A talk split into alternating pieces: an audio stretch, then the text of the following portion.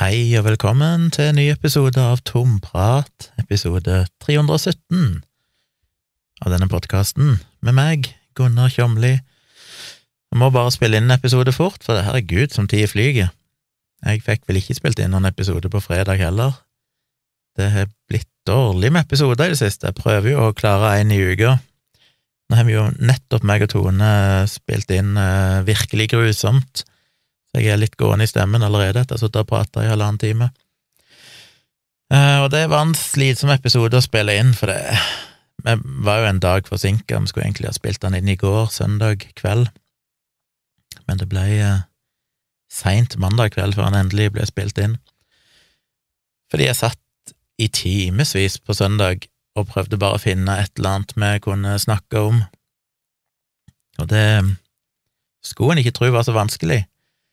Det er tonnevis av ting å ta av, men et eller annet med å finne engasjementet. Begynte å lete etter historier, vi har sikkert flere hundre tips i innboksen til Virkelig grusomt, der folk har sendt dere. Men så begynner jeg å kikke på dem, og så er det sånn eh, Enten så krever de altfor mye research som jeg ikke har overskudd til, eller så er det for lite informasjon til at du føler du kan fylle en time med interessant stoff. Så da tenkte vi kanskje vi skulle lage en sånn, kanskje ta de ti verste måtene å dø på, for det finnes en del sånne lister òg, med de ti mest grusomme måtene folk er dødd på opp gjennom historien. Men så klarte jeg ikke å finne Fikk jo klarte ikke å finne ikke, nok historier med substans til at jeg følte at det funker heller. Så jeg ga egentlig bare opp i går, fant ut at det går ikke. Men jeg fant jo, mens jeg leide etter de mest grusomme måtene å dø på, så kom jeg over en grusom historie som jeg til slutt fant en ganske omfattende gjennomgang av, sånn at jeg kunne bruke den. Så da ble det en episode, en dag forsinka, men det ble en episode denne gangen òg. Og det varierer så, av og til kan jeg bare sånn umiddelbart finne et eller annet, og så er det gjort på et blunk, og bare sånn, ja, her er jo en bra historie, lese gjennom den og kjøre på.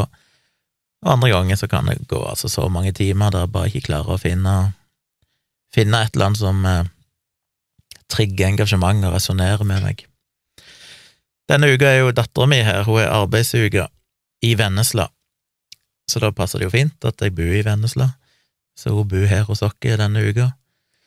Så eh, i utgangspunktet må jeg komme meg opp tidlig i morgen, så jeg kan kjøre henne til, til jobben sin.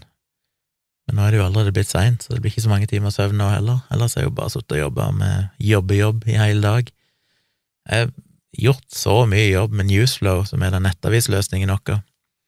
Plutselig eh, det, er som regel sånn det baller på seg. Du begynner med et eller annet, og så finner du at du skal skrive om et eller annet. Hva har jeg gjort nå? Jo, nå jeg drevet optimalisert Newsflow. Fordi det er jo en kjapp nettavisløsning, fordi vi har god cashing i front og alt mulig sånn, men uten cashinga så ville jo ting vært ganske treigt, og egentlig for treigt. Og Derfor blir en litt sånn lurt av at det er god cashing og ting fremstår som kjapt, når det egentlig kunne vært optimalisert ganske mye mer. Så jeg begynte å kjøre noen sånne tester sånn, og se på resultatene og finne ut hva det egentlig som gjør ting treigt, og så begynte jeg med en sånn ganske omfattende omskriving for å bare laste de mest nødvendige tingene du trenger for å få fram nettsida tidlig, og så kan han laste resten av innholdet etterpå, liksom, sånn at det fremstår som at sida laster mye fortere enn det han egentlig gjør, fordi du får fram noe på skjermen nesten umiddelbart, selv om han egentlig ikke er ferdig med å laste alt innholdet og sånn. Og det har krevd ganske mye omskrivinger av kode, og mye testing, eh, og tatt mange dager.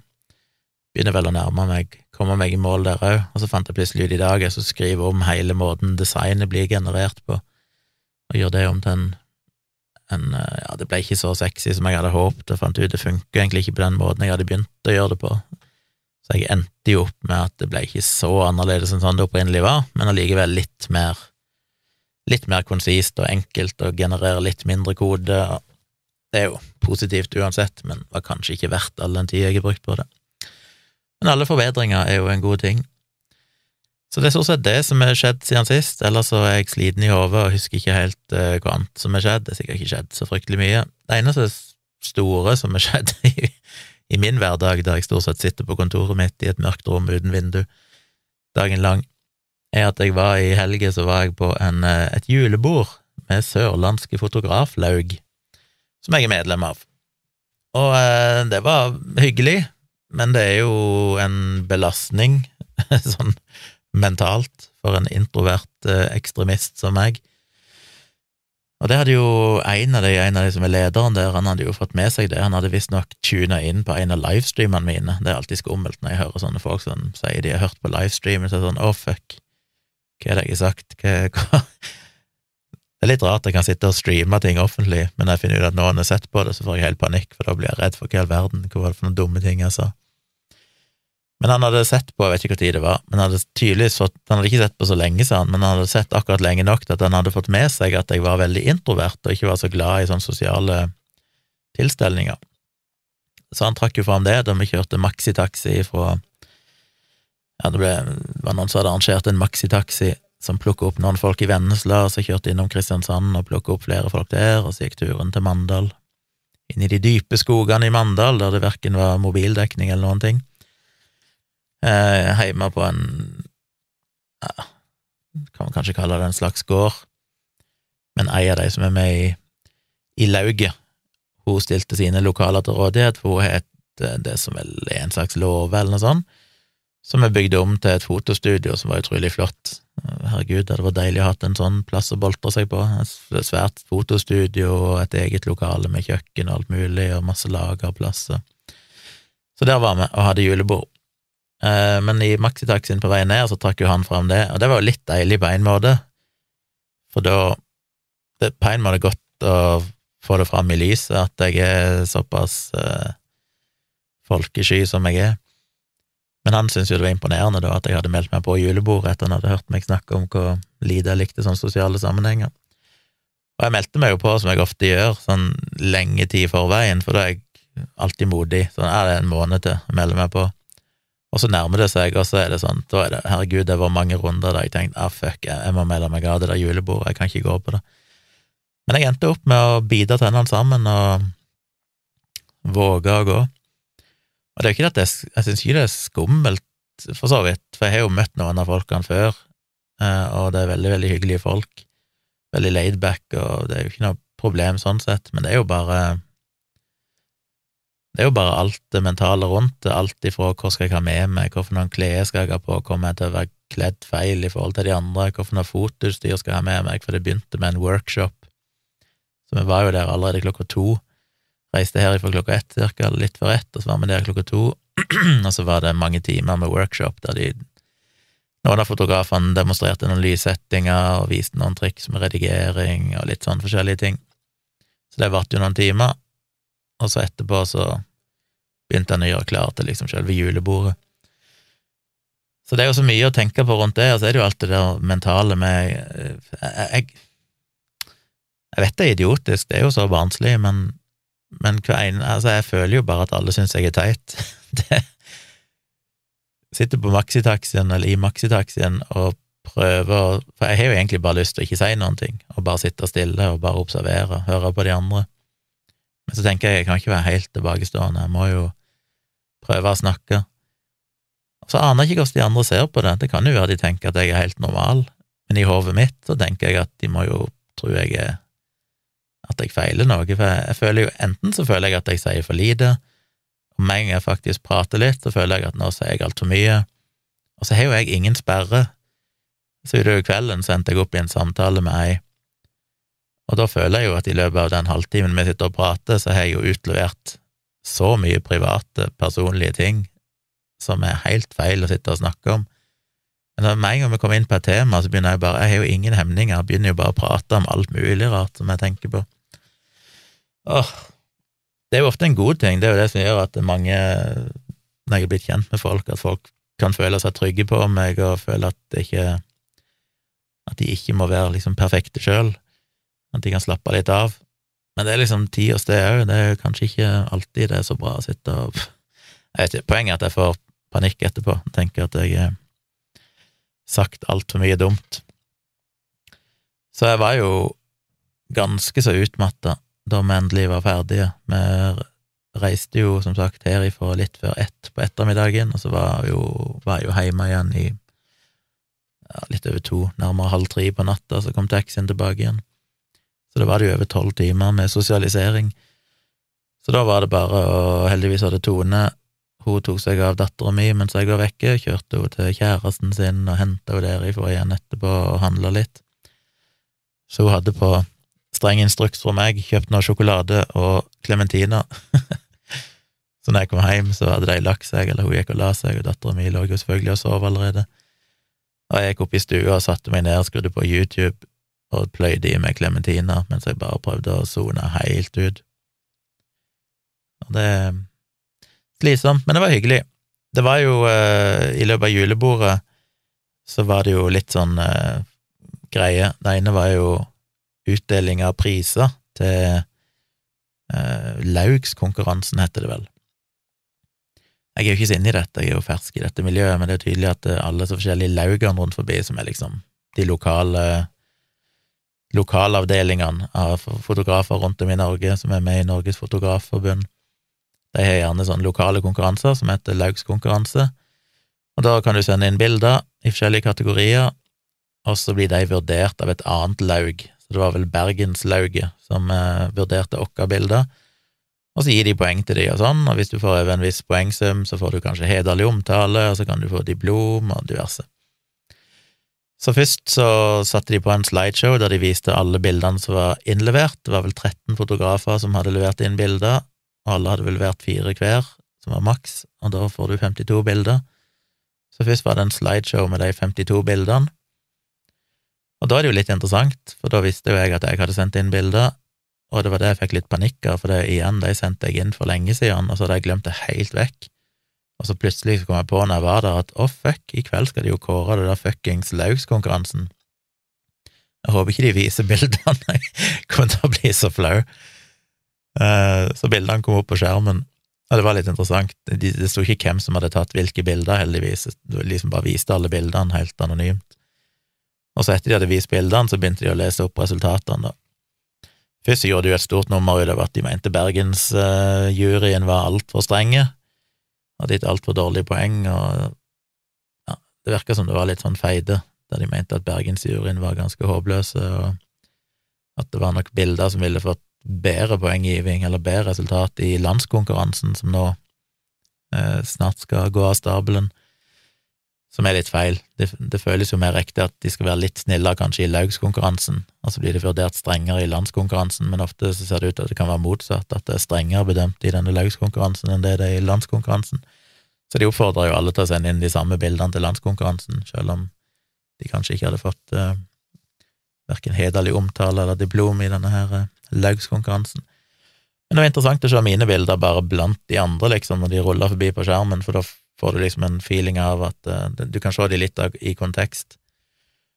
Og det som irriterte meg, var når jeg så de, var at herregud, bildene mine så helt fucka ut.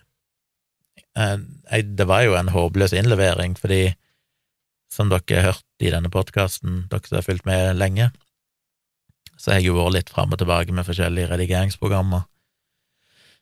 Jeg starta vel helt i begynnelsen med, fot, nei, med Lightroom, Adobe Lightroom, for det var det liksom alle bruker, men så gikk jeg vel over til Capture One, og brukte det ganske lenge, og så gikk jeg vel over tidligere i år, eller omtrent et år siden, eller noe sånt, så gikk jeg over tilbake igjen til Lightroom, og så har jeg hatt mye styr med hvordan jeg skal organisere bildene mine, og prøvd å rydde opp i det, og så har jeg rota det til noen ganger.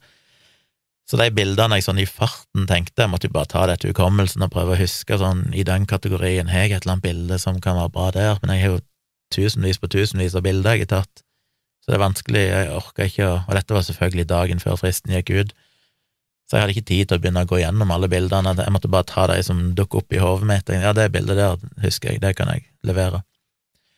Men de hadde jeg selvfølgelig ikke jeg hadde jo redigert de, og har lagra en versjon redigert, men når du skal sende de inn, så må det blant annet sendes inn i Adobe RGB, mens mine bilder er lagra i sRGB, som er det mest vanlige formatet, og så skulle det òg være en spesifikk størrelse. Så det betyr at jeg måtte jo ta originalbildet og eksportere det på nytt, men så siden jeg ikke bytta programmer og sånn, så hadde jeg jo mista redigeringa, så jeg har jo originalfiler helt uredigert, men selve redigeringen eh, var forsvunnet. Så jeg måtte jo redigere alle bildene på nytt i full fart. Så jeg redigerte jo de fire bildene jeg sendte inn helt ifra scratch, og prøvde å få de til å se sånn noenlunde like ut som det originalbildet jeg hadde redigert for ett eller to eller tre år siden da jeg tok disse bildene. Så det ble jo litt sånn dumt. Eh, så jeg fikk liksom ikke tid til å la det synke, sånn som jeg liker å gjøre, at jeg redigerer, og så kan jeg vente en dag eller to og se på det på nytt, og så tweaker det litt igjen. Nå måtte jeg bare i full fart redigere det, altså basically eksportere det og sende det inn. Og når jeg så på bildene nå, så så de jo veldig overredigert ut. Eh, en hvit balanse som var helt på styr, altfor gule bilder. Eh, ja, de så bare helt crap ut, så selv om jeg syns iallfall Iallfall to av bildene jeg sendte inn, syns jeg er veldig bra, rent sånn motivmessig, men selve redigeringa var jo helt på trynet. Eh, som er litt rart samtidig, for jeg, jeg, måtte jo da hente opp de bildene på mobilen min i smug og se på de der, og der så de langt på nær så herpa ut. Men uh, Så jeg vet ikke om noe har skjedd i forbindelse med at jeg eksporterte de som Adobe RGB, at det ble noe kluss med fargene der, eller et eller annet. Så jeg burde ha sjekka de bedre. Så jeg følte meg jo dum. Det var sånn, shit, har de sittet og sett på de bildene? Dette er jo ikke representativt for det jeg gjør i det hele tatt. Så jeg ble jo bare sur inni meg når jeg satt der. Og jeg fikk ingen, eh, ingen eh, noen ting. Jeg ble ikke lest opp. Fikk ingen, jeg fikk vel noen poeng, men ikke nok poeng til at de ble lest opp, for du måtte over ei viss grense. Og det synes jeg jo er kjipt, selv om selvfølgelig de aller fleste endte jo opp der jeg gjorde, med å ikke få noen poeng, eller ikke få nok poeng. Eh, men jeg hadde to, to ting jeg lærte av den prosessen, og det er jo kanskje det viktigste, hva lærer en av det. Det ene er at, uh, som irriterte meg, det er at det var helt klart noen av bildene som ble trukket fram og fikk diplom og sånn, er jo dritbra. Mye bedre enn mine, så det er for all del, de fortjener det. Men så er det noen av bildene som er sånn Dette bildet her er jo ikke spesielt bra. Eh, så du merker deg to ting, sånne, og det er det jeg irriterer meg, som er litt av grunnen til at jeg egentlig ikke vil delta i sånne konkurranser. Det er fordi at når du sender inn bilder til konkurranser, så må du òg lage bildene for konkurransen. Det er veldig spesifikke ting de ser etter. Og de to tingene som irriterte meg, er én, at noen av de bildene som eh, ble premiert, var jo ikke spesielt bra bilder, syns jeg, men de er litt sånn morsomme på litt samme måte som Sputnik er bra musikk. Eh, det er litt sånn, dette her er jo bare Det er sånn veldig folkelig òg, dette var et koselig øyeblikk som de fanga, men det er sånn ah, dette her er jo så platt. Jeg skjønner hvorfor noen tenker at å, det var et morsomt bilde, men det er jo bare en, en klisjé, og det irriterte meg at flere av bildene var sånn Enten så var de bare veldig platte, det skal liksom fremstå som at å, her er de fanga et spennende øyeblikk, eller et morsomt øyeblikk, men så er det jo egentlig ikke noe originalt i det hele tatt. Eh, men det er tydeligvis ting som eh, du scorer på, og det irriterer meg litt, for det er sånn, ja, ok, jeg kan jo sende inn et eller annet bilde som liksom er artig, men det er jo ikke nødvendigvis et bra bilde. Eh, og det var noen av de bildene som bare, de var jo ikke spesielt bra, men allikevel så fikk de hederlig omtale, så det irriterte meg, for jeg følte at noen av mine bilder er jo teknisk sett vesentlig bedre enn dette bildet mer interessant, mer originalt, alt mulig. Det andre er jo det med redigeringa, at det er så åpenbart at du må liksom ha en viss stil i redigeringa for at det skal være liksom etter boka, da, etter det fotografene ser etter. Og det er for så vidt fair enough, men men jeg er sånn litt usikker på er det, er det noe poeng i det. Jeg vet ikke. Hvis ikke det er min stil, hvorfor skal jeg tilpasse meg en eller annen sånn konkurransestil for å Jeg vet ikke. Det betyr ikke at alle altså Du kan jo ha din egen stil til en viss grad. Det finnes jo forskjellige varianter, forskjellige fotografer har sine stiler, men, men, det er litt sånn tydelig akkurat hvilken type bilder som, eh, som er populære når du sender de inn. Så jeg får se hva jeg gjør, om jeg skal sende inn nå til landskonkurransen eller ikke. Jeg har litt mer ja, Det er jo ikke så lenge til fristen der heller. Jeg tror ikke han har gått ut ennå. Jeg tror han er i desember eller noe sånt. Må sjekke det etterpå. Får se om jeg får tid, om jeg skal sette meg ned og bruke litt mer tid denne gangen, og faktisk finne de rette bildene, og sjekke redigeringa og være sikker på at de er eksportert korrekt og sånn, og prøve meg, for det er klart, hadde jeg fått et diplom, så hadde jeg vært dritstolt, men i praksis betyr det jo ingenting. Det er jo det er ikke det som gjør at noen booker deg som eh, fotograf. Jeg er nok litt mer sånn Jeg er nok litt mer eh, praktisk retta i den forstand at jeg vil ta bilder som er bra kommersielt, sånn at folk ønsker å booke meg, at jeg kan produsere gode bryllupsbilder, gode firmabilder, gode portretter, uten at det nødvendigvis må være liksom fine arts-kunst av det. Men, eh, men, det er nå, det kan være det endrer seg.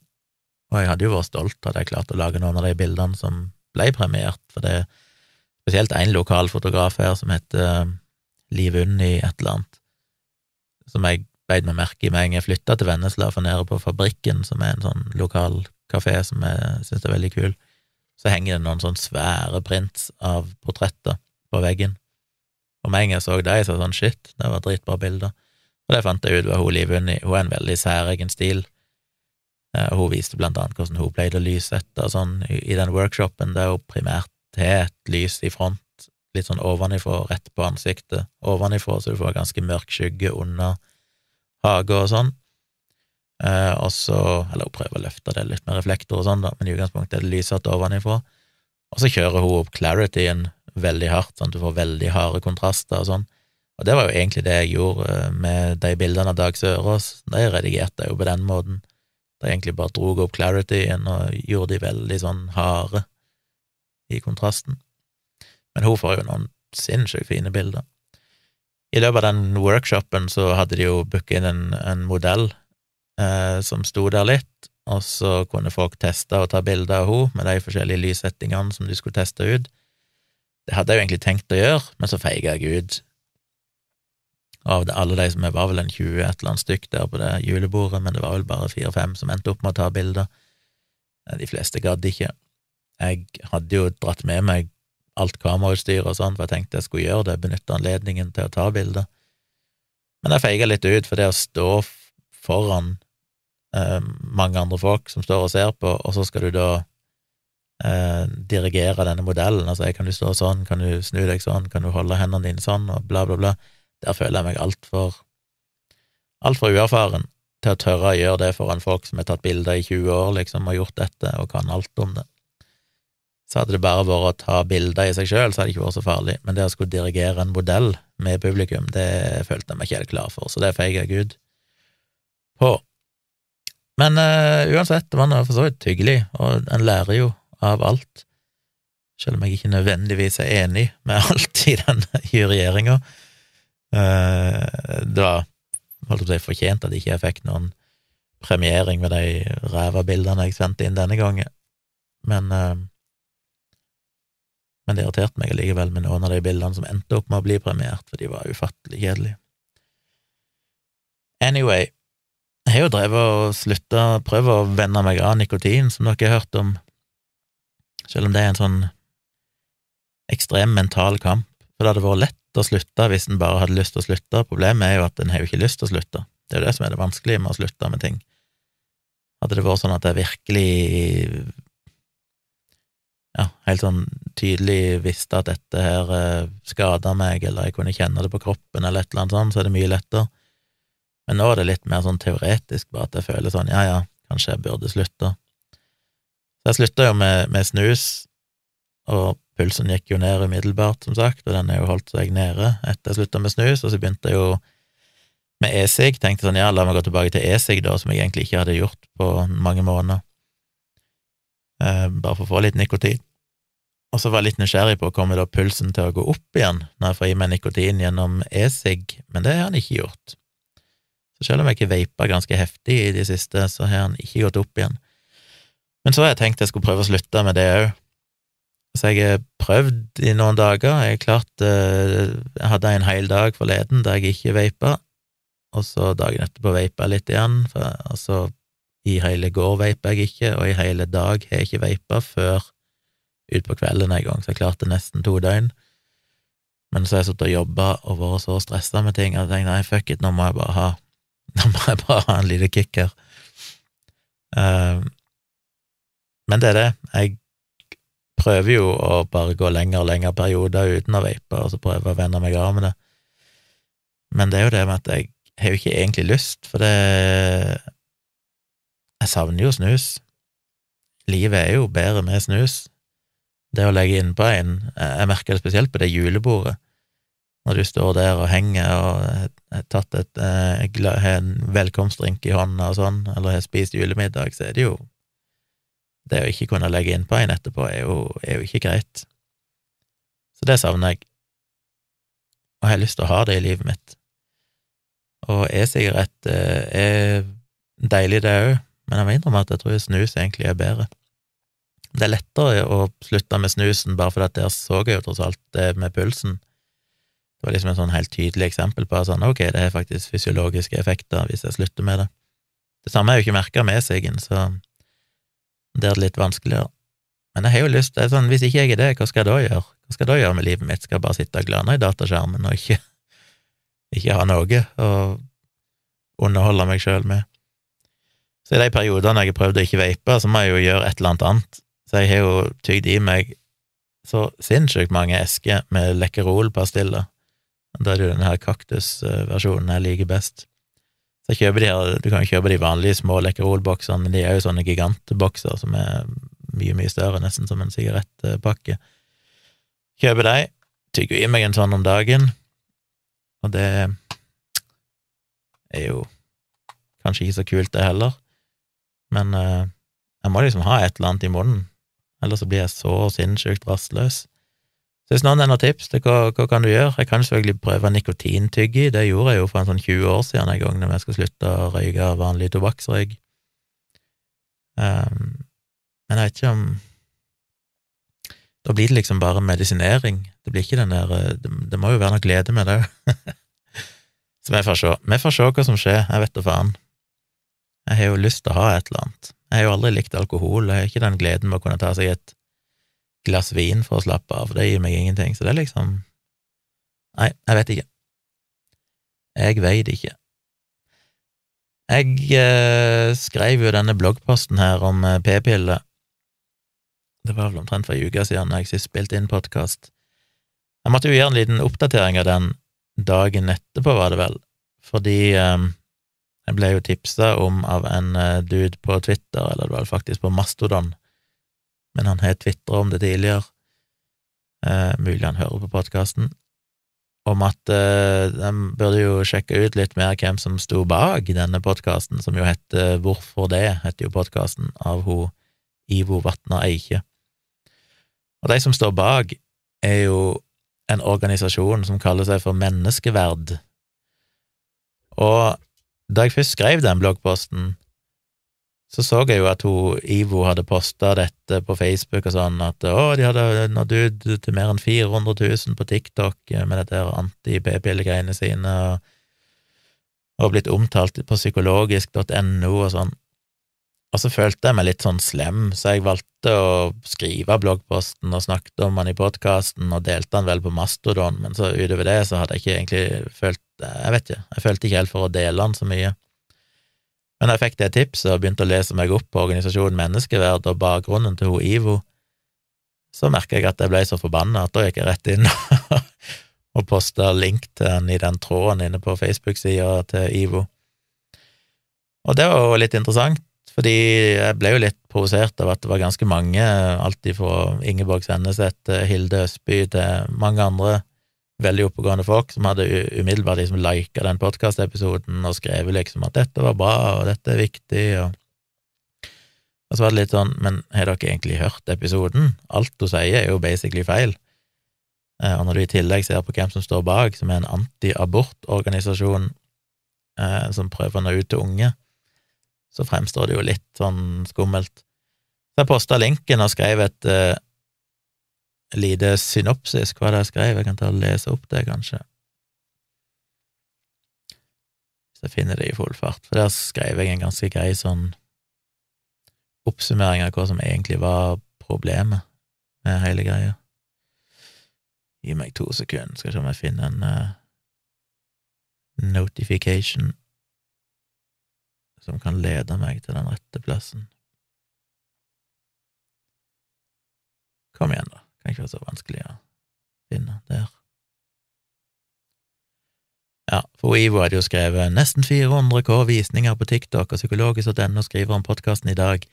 Kvinner som begynner på p-piller i en ung alder, har 80 økt risiko for å utvikle depresjon, men fortsatt er det ingen som vil investere i p-piller for menn. Begge de påstandene er jo særs villedende. Og nå har jeg jo fått 133 heiarop og likes fra folk, og så skrev jeg eh, en kommentar der jeg skrev Jeg ser podkasten får mye positiv oppmerksomhet her i kommentarfeltet. Det er rart, ettersom tilnærmet alle påstander om p-piller i episoden er feil. Her svartmales hormonell prevensjon på det groveste, samtidig som man anbefaler den svært upålitelige metoden temperaturmåling, som sterkt frarådes av fagpersoner for bruk av unge som ikke ønsker seg barn. Den påståtte økningen på 80% i risiko for depresjon som podkasten markedsføres med, blant annet direkte mot unge på TikTok, er tullete. Det er cherrypicking av data og en sammenblanding av relativ risikoøkning og absolutt risiko. Den reelle risikoøkningen er marginal til ikke-eksisterende, og en rekke andre studier enn den danske finner ingen slik sammenheng.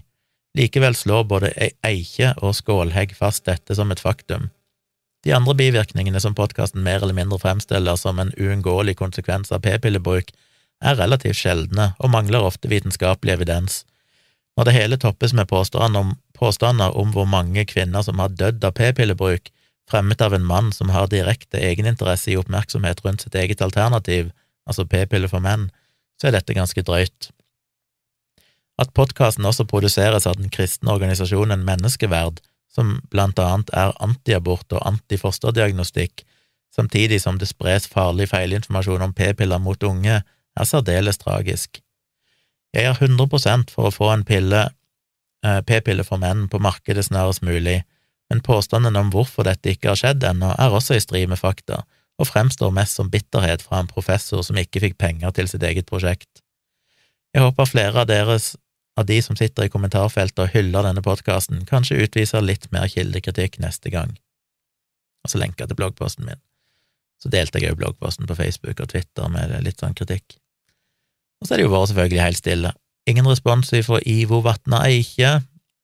Jeg fikk ingen respons av andre i tråden før jeg tagga Ingeborg og Hilde Østby. Så kom de med litt svar, men litt sånn unnvikende. Jeg følte ikke det var spesielt god respons der heller. Eh, jeg maila jo psykologisk.no og skrev til dem at jeg syntes det var ganske slett arbeid de hadde gjort, da de bare promoterte den podkastepisoden og gjenga de påstandene om risikoøkning for depresjon og alt dette her, helt ukritisk, uten å sjekke noen ting sjøl, uten å lenke til noen kilder, bla, bla, bla. Jeg trodde jo psykologisk.no var litt mer seriøst tidsskrift, og det er jo òg snart ei uke siden. Jeg har fortsatt ikke hørt noen ting ifra deg heller. Som er dårlig. Det er dårlig at ikke de svarer på kritikk i det hele tatt. Når jeg har en såpass gjennomført, eh, grundig, veldokumentert kritikk, så er det vanskelig for de å bare avfeie det. Men det gjør de tydeligvis, med mindre de bare overarbeider og svaret kommer seinere. Det kan jo være, men eh, nesten ei uke burde jo være tid nok til å klare å svare på en sånn mail. Så alt i alt ganske skuffa over responsen. Eh, men det minner jo veldig, jeg merker jo veldig tydelig det, når jeg ser på den posten til Ivo om podkasten, og ser at det er eh, stor overvekt vel av kvinner som eh, har masse applaus, emojis og hjerter, og alle bare hyller henne og sånn.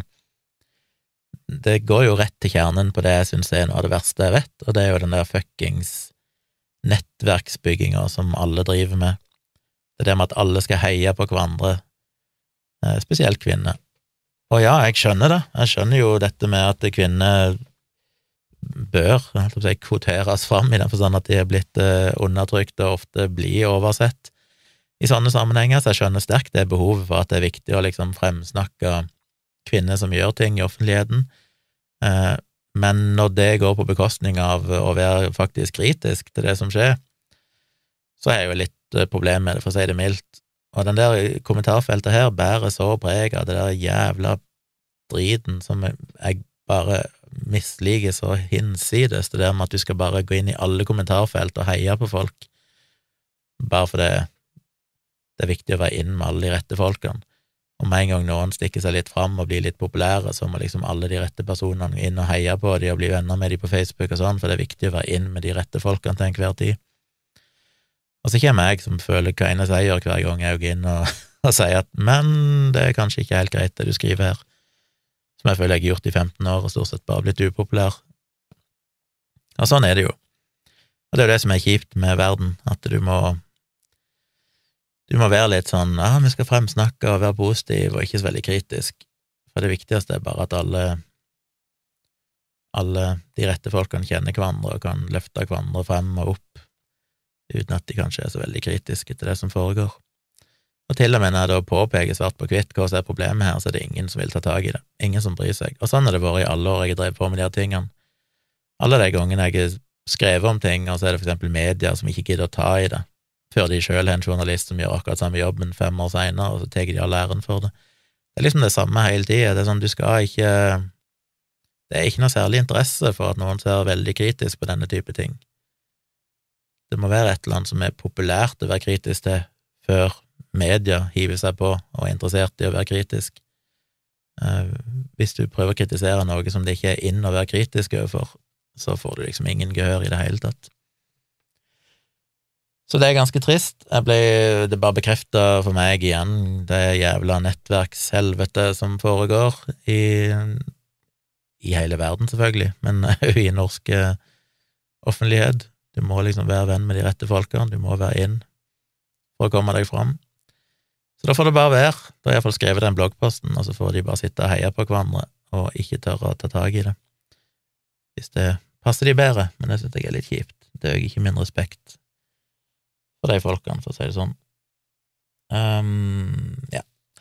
Ellers så fikk jeg, jeg har fått mange gode mailer til tompratpodkast.gmail.com, men jeg ikke har tid til å se på dem, for jeg eh, jobber 16 timers dag holdt jeg på å si, og i tillegg til at jeg skal prøve å spille inn podkaster og alt det andre jeg gjør, så eh, akkurat nå så er det litt sånn eh, vanskelig en periode, jeg håper det skal roe seg litt snart, så jeg får litt mer overskudd til å drive med med mine ting igjen.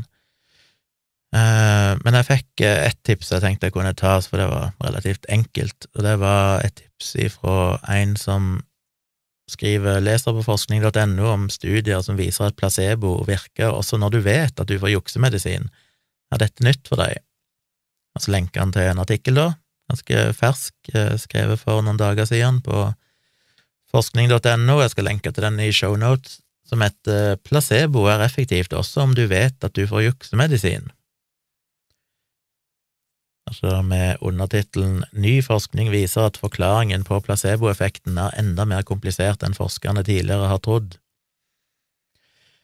Og jeg kan ikke lese, en ganske lang artikkel, egentlig, men poenget er vel blant annet ei som heter Karin Jensen, som er smerteforsker, som har holdt et foredrag var det hun som hadde gitt ut ei bok òg, nylig? Iallfall, og så på dette med smerte, og de viste blant annet til en ny studie som hadde blitt eh, en artikkel på det, i det svenske tidsskriftet Forskning og framsteg, der hun Jensen beskriver en studie på IBS-pasienter. Og da skriver de at da pasienter i studien ble trukket ut til å være med i gruppen som skulle få åpen placebo, uttrykte de entusiasme og takknemlighet, skriver hun. De var glade for at de ikke kom i kontrollgruppen, altså blant de deltakerne i studien som ikke fikk noen hjelp. Men hva var det som gjorde disse pasientene glade når de åpenlyst skulle motta juksehjelp? Jo, pasientene var glade for å få teste ut noe nytt. Eh, studien viste at de som tok sukkerpillene med juksemedisin, ble klart mye bedre i magen etter seks ukers behandling enn pasientene i kontrollgruppen ble.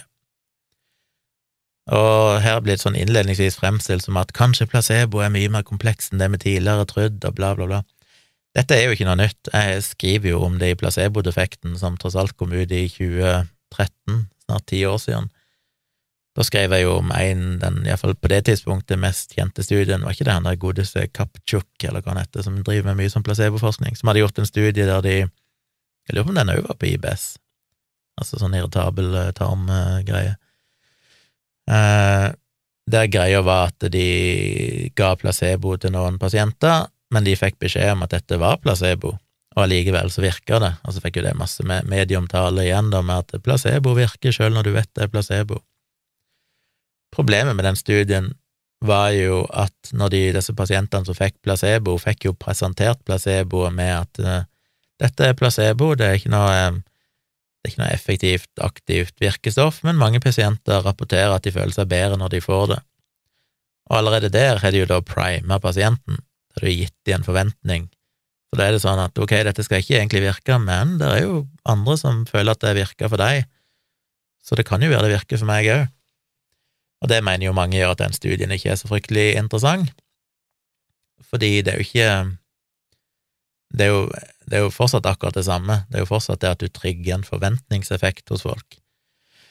Men så skriver de jo her i artikkelen om at men det er jo mer enn bare psykologisk, du kan jo òg måle det i, i, kroppen rent fysiologisk, og det skriver jeg òg mye om i placebo-defekten, dette med studier der de har testa med å, å, påføre folk smerte, og så påfører de en placebo-krem, som de sier at dette er en smertestillende krem, og så rapporterer de at ja, nå føler de seg bedre.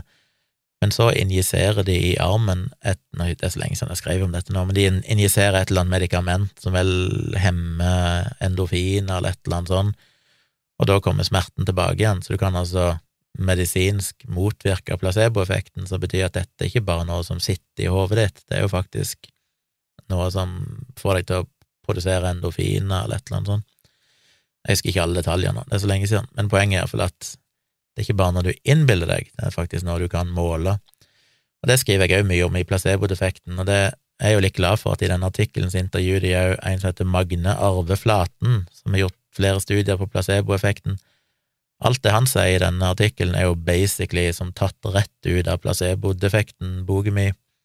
Eh, han snakker jo om stressrespons og alle de her tingene, og ritualer, det er jo alle de samme tingene som jeg skriver om, så det var sånn deilig å lese at han òg bare sier akkurat det samme som jeg skrev. Eh, han påpeker jo det at ja, men det er jo fortsatt for hun, hun dama, hun eh, Karen Jensen, hun mener liksom at det snur opp ned på tidligere kunnskap om placeboeffekten, som jo er bare tull. Dette er jo ikke noe nytt i det hele tatt, dette har vi jo visst i alle år. Og til og med en amatør som meg har skrevet om det for over ti år siden. Eller for ti år siden snart. Eh, så det er jo ikke noe nytt, men hun vil ha det til som at det er noe mer, noe mystisk. Men det er jo gjort studier på dette i mange tiår, det dette vet vi jo. Men han er jo veldig flink, han er flaten til å dra det tilbake igjen til at det handler jo primært om tre ting. Det er forventningseffekter. Har du tatt medisiner mange ganger før og opplevd at de virker, så vil du føle at de virker denne gangen òg. Eh, det skriver jeg òg om i placebo-defekten. Det er jo en av grunnene til at for eksempel du kanskje kan få eh, bedre effekt av eh, Paracet enn et uh, annet legemiddel som inneholder de samme virkestoffene, som inneholder paracetamol, men som ikke har den samme oransje og hvite pakningen og heter Paracet, liksom. Fordi dine forventninger er knytta til spesifikt den merkevaren.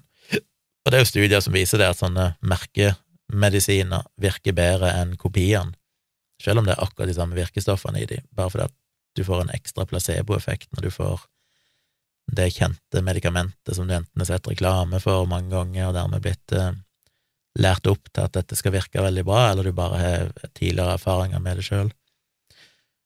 Så det å, å, ta tabletter som du vet det virker, vil kunne virke, selv om tabletten kanskje bare er placebo. Det påpeker han. Han påpeker jo dette med ritualer, som jeg òg skriver mye om i placebo-defekten, at bare det ritualet med å ta medisinen kan ha en placeboeffekt, fordi du assosierer det med noe som fører til en bedring eller lindring. Og så snakker hun om det om stressrespons, det med å føle håp og alt dette her. Uh, hun, Karen Jensen snakker om denne her IBS-studien, og at det er så rart at de som ble tatt med i studien, som fikk beskjed om at dere skal få placebo, de var så glade og lykkelige og sånn. Uh, igjen, det er jo nettopp derfor alternativ behandling fremstår som at, eller virker som om det virker, som er undertittelen på boka mi. Og akkurat det samme sier han Flaten òg, det er nettopp derfor han kaller det for naturmedisin, som jeg alltid føler er en sånn veldig gammeldags måte å beskrive alternativ behandling. Men han sier jo at det er derfor det virker for noen, nettopp fordi at det handler om stressreduksjon, og det skriver jeg jo i placeboeffekten, at jeg ser jo på alternativ behandling som en form for lavgradig psykologtilbud, altså det at du får komme til noen, legge deg ned i en halvtime, time, fokusere på deg og dine egne problemer, få lov å prate med noen om det, en del av dine følelser og tanker, kanskje bli berørt, eh, tatt på gjennom massasje eller healing eller et eller annet sånt. Alle de tingene vet vi kan ha stressreduserende effekter, og de stressreduserende effektene kan ha ganske kraftige fysiologiske effekter på kroppen. Og igjen så er det ikke rart at det er IBS de tester dette på, for det er jo nettopp sånne tarmproblemer og sånn er jo veldig knytta til stress. Eh, sammen med allergier og eh, eksem og sånne ting er jo òg veldig knytta til stress. Astma er veldig knytta til, til, stressrespons. Eh, så alle de tingene der, og selvfølgelig òg smerte og sånne ting som er mer subjektive, som er mer en opplevelse. Alle de tingene vet vi du responderer ganske godt på placebomessig. Så det er jo ikke tilfeldig at det er det de bruker når de skal teste den type åpen placebo fordi vi vet at alle disse mekanismene med ritualer og forventninger og stressreduksjon vil ha en, en positiv effekt på det. Og så er det jo det siste tingen som ikke vel bli skrevet om her i denne artikkelen, men som jeg òg beskriver i, i boken min og har snakket om flere ganger, det er jo den der greia med at vi er jo mer komplekse enn det det kanskje er lett å tenke seg. Altså, det er jo ikke sånn at hvis du vet at noe er placebo, så vil det ikke virke. Fordi det er veldig forskjell på det du vet rasjonelt, og det du innerst inne ønsker å tro. Og det er litt sånn som da jeg ble eh, forsøkt heala på NRK Radio, som jeg innleder boken min med, av han der eh, hva heter Gunnar Henriksen, eller hva han heter, han healeren. Selv om jeg er liksom 100% skeptisk og ikke har noen tro på varme hender og sånn, så er det likevel en liten kjerne inni meg som har et lite håp om å oppleve et eller annet. Du kan være så beinhard skeptiker du vil, og likevel så tror jeg du vil kunne få en placeboeffekt fordi du har liksom lyst til å oppleve noe. Det er spennende. Du føler jo at det er så mange andre som hevder at de kjenner varmen ifra hendene og bla, bla, bla, at det må liksom være noe der.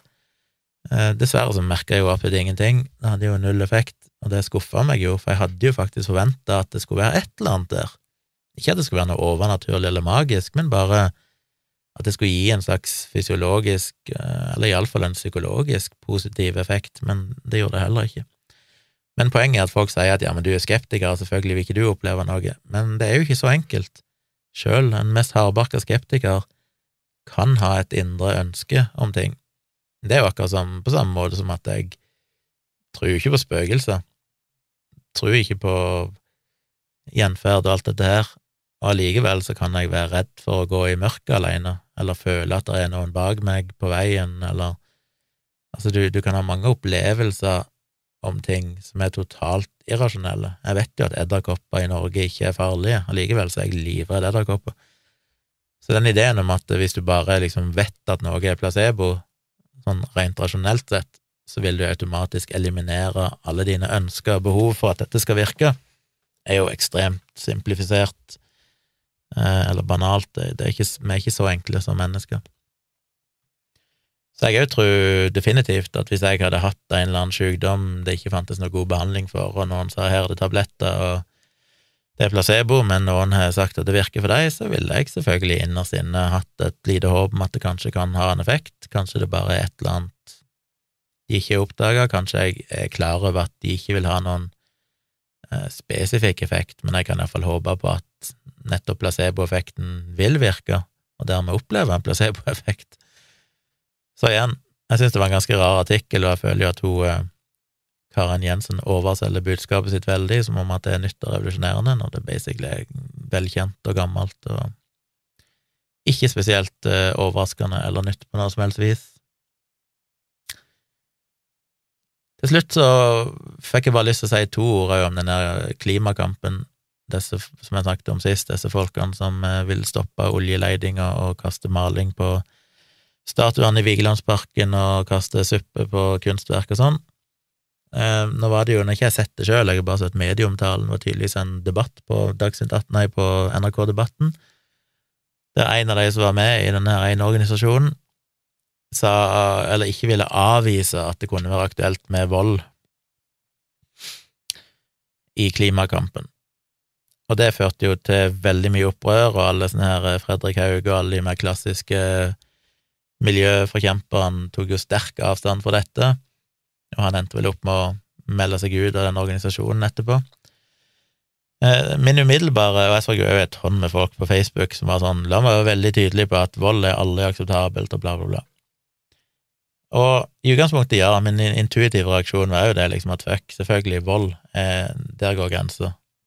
Jeg kan være åpen for hærverk, jeg er ikke veldig positiv til det heller, men i ekstreme situasjoner, så, som det føles som at det egentlig er nå, så er kanskje det noe som er eh, forsvarlig. Eh, men vold, det er aldri rett. Men så begynner en å tenke litt. Så ser en jo, jeg så noen trakk fram eksempel med regnskogen i Amazonas. Når for eksempel urbefolkning går til angrep på folk som sitter i brøydemaskiner og gravemaskiner og raserer og setter fyr på regnskogen, som er deres habitat, deres hjemsted, og de da går fysisk til vold, er det feil? Det er jo selvforsvar på mange vis, men på mange måter så kan du jo oppleve det som at det å reagere på de verste klimaødeleggerne på kloden, som eh, er store firma som forurenser helt sinnssykt, det er jo en slags selvforsvar, det òg. Vi prøver jo faktisk å redde oss sjøl og vår egen fremtid og fremtiden til våre egne barn. Så jeg synes det er mye mer komplisert enn det mange vil ha det til. Jeg klarer ikke å se for meg at du skal kunne bruke vold mot noen, fordi det er jeg jo i utgangspunktet nesten kategorisk motstander av.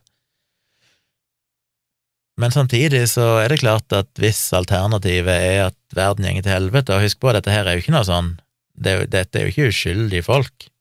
Dette er jo folk som siden ja, mange, mange tiår siden har bevisst løyet til folket, har betalt de samme folkene som drev og løy til folk om eh, tobakksrøyk, har betalt de samme folkene til å drive og lyge om eh, miljø, om forurensning og sånn. De har drevet aktive kampanjer for å lure befolkningen til å tro at det ikke er så farlig det de driver med, at det ikke er farlig for klimaet.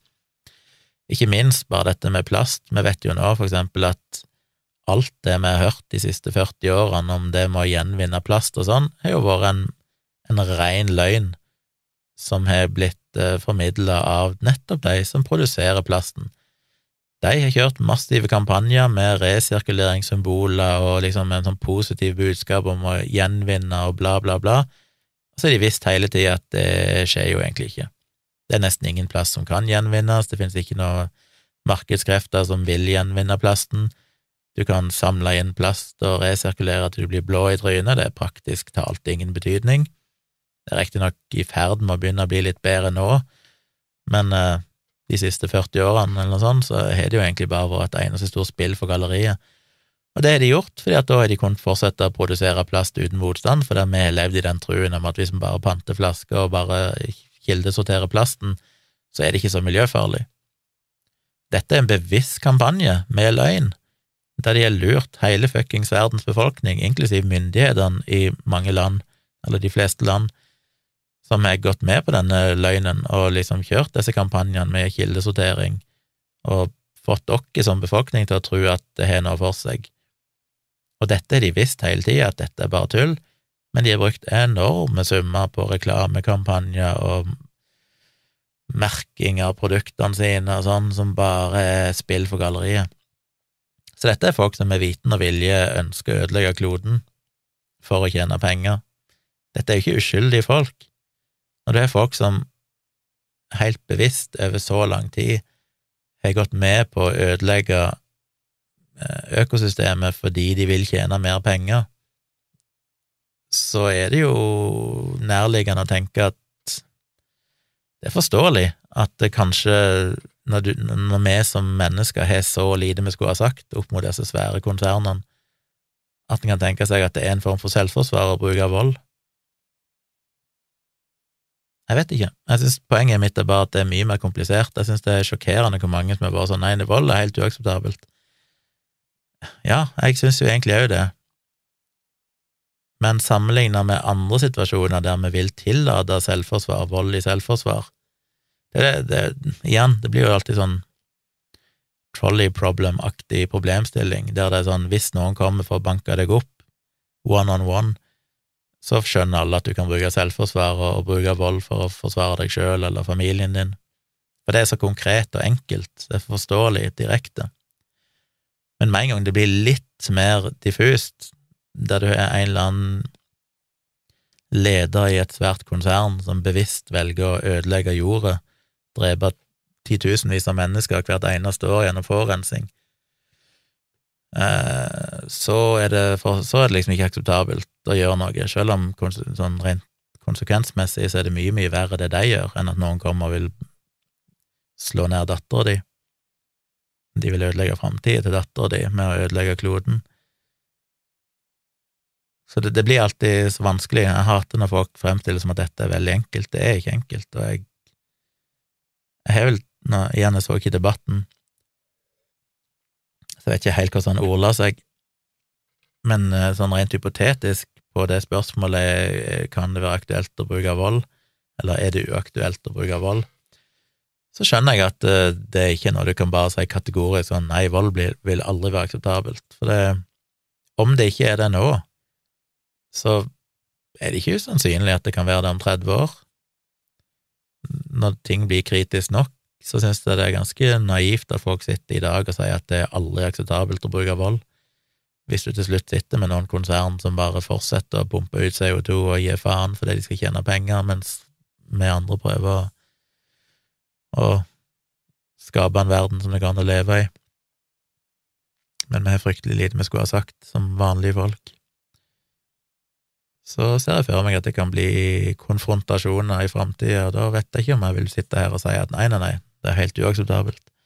Det blir jo på grensa, det blir jo nesten som å sitte og si at nei, det var helt uakseptabelt å kjempe mot nazistene i 1939-1940, fordi en kan nok på mange måter si at det som skjer nå, det er selvfølgelig en farlig sammenligning, men ta det, ta det med en klype salt, men dere skjønner poenget. I antall liv som går tapt, så er det klart at klimakatastrofen er mye, mye verre enn holocaust og, og hele pakka, selv om insentivene og de som ble ramma, er en helt annen, usammenlignbar historie. Men hvis du kan gå til angrep mot uh, nazistene, så er det jo rart at noen mener at det er helt utenkelig på et eller annet tidspunkt at en må kanskje ty til vold for å bekjempe de mest pengegriske jævlene som ødelegger kloden vår. Så ja, jeg vet ikke. Vi får se. Jeg oppfordrer ingen til å bruke vold per nå, jeg bare sier at rent hypotetisk så er det vel ikke umulig at flere vil innse at det kan bli realitetene i framtida gang. Og igjen, de som syns at dette er enkelt, tror jeg ikke har tenkt uh, lenge nok på det.